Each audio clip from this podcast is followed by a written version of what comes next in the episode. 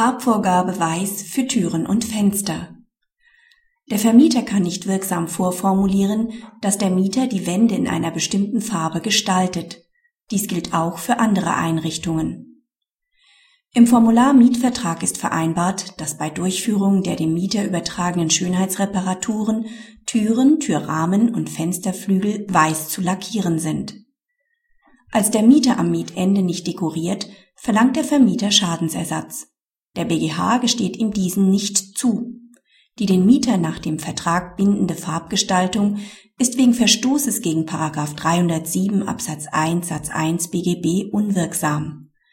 Denn während der laufenden Mietzeit kann der Mieter nicht zu einer bestimmten Farbgestaltung gezwungen werden. Dies würde einen unangemessenen Eingriff in die Lebensverhältnisse des Mieters bedeuten. Die teilweise Unwirksamkeit der Vereinbarung hinsichtlich der Farbgestaltung bestimmter Einrichtungsgegenstände hat zur Folge, dass die gesamte Dekorationsabrede keine Wirkung entfaltet. Praxishinweis.